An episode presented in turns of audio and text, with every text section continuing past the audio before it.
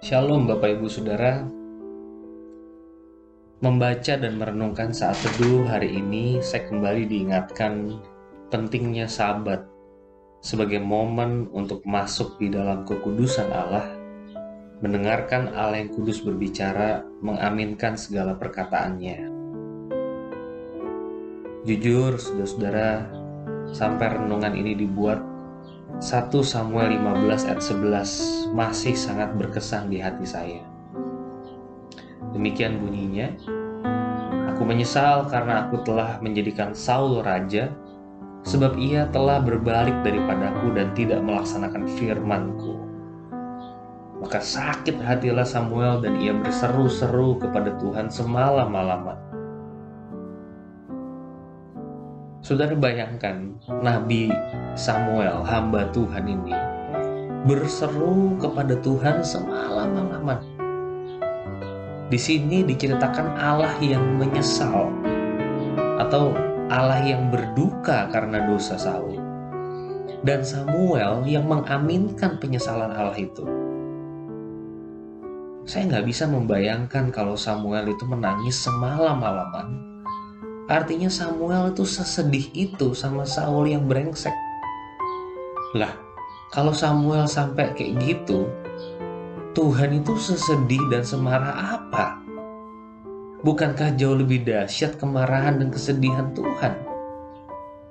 Saya percaya representasi emosi manusia tidak bisa secara utuh menggambarkan kemarahan dan kesedihan ilahi itu. Itulah sebab dari kemarin saya berkhotbah, saya merenung ulang Yohanes 15. Orang yang berada di dalam Kristus doa-doanya dikabulkan. Ya bukan apa-apa, ia mampu merasakan apa yang Tuhan rasakan. Ia melihat apa yang Tuhan lihat. Saya jadi berpikir, tidak mungkin orang yang dekat sama Tuhan meminta hal-hal yang bukan-bukan.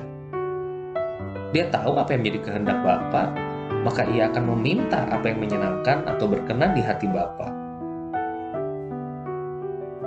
Saya berpikir begini saudara, ini lagi pandemi. Apa ya yang sebenarnya Allah inginkan dari kita umatnya?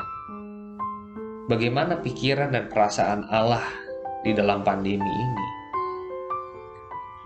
Apakah Tuhan berkenan dengan ibadah YouTube kita, retret Zoom kita, saya merasakan di tengah pandemi seperti ini, justru bukankah sabat itu menjadi hal yang primary sehingga hidup kita bisa lebih tenang di tengah-tengah pandemi ini?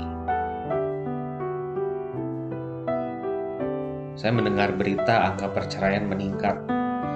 Penyebabnya ekonomi, perselingkuhan. Saya jadi mikir, ini kan lagi physical distancing ya, kok bisa orang pada selingkuh? Tapi saya pikir-pikir betapa bodohnya saya. Orang selingkuh kan orang yang kagak mikir kan. Hidupnya lebih didorong oleh insting kayak binatang. Dia tidak memiliki akal budi yang jernih. Boro-boro di hadapan Tuhan atau akal budi ilahi. Akal budi manusia normal aja dia tidak miliki. Dia akan bertindak instingtif.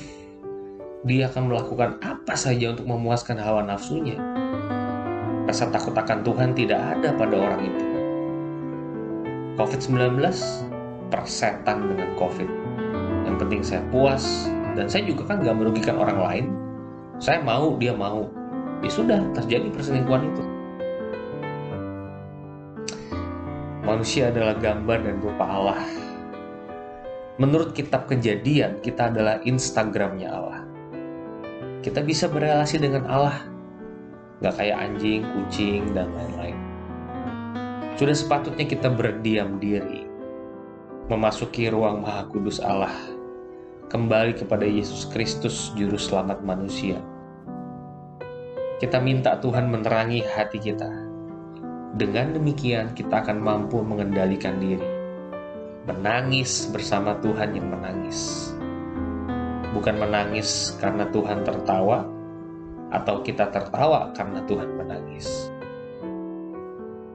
Berdoa semalam-malaman kayak Samuel juga nggak terasa ngantuknya karena bisa merasakan emosinya Tuhan. Saya yakin 1 Samuel 15 ayat 11 Samuel tidak lebay. Kitanya yang jauh dari standar sahabat yang seharusnya. Sehingga kita tidak mampu mengaminkan pengalaman Samuel, malah menudingnya sebagai sesuatu yang lebay. Ya Tuhan, kuduskan hati kami. Sehingga kami bisa merasakan apa yang kau rasakan, melihat apa yang kau lihat, melakukan apa yang engkau ingin kami lakukan.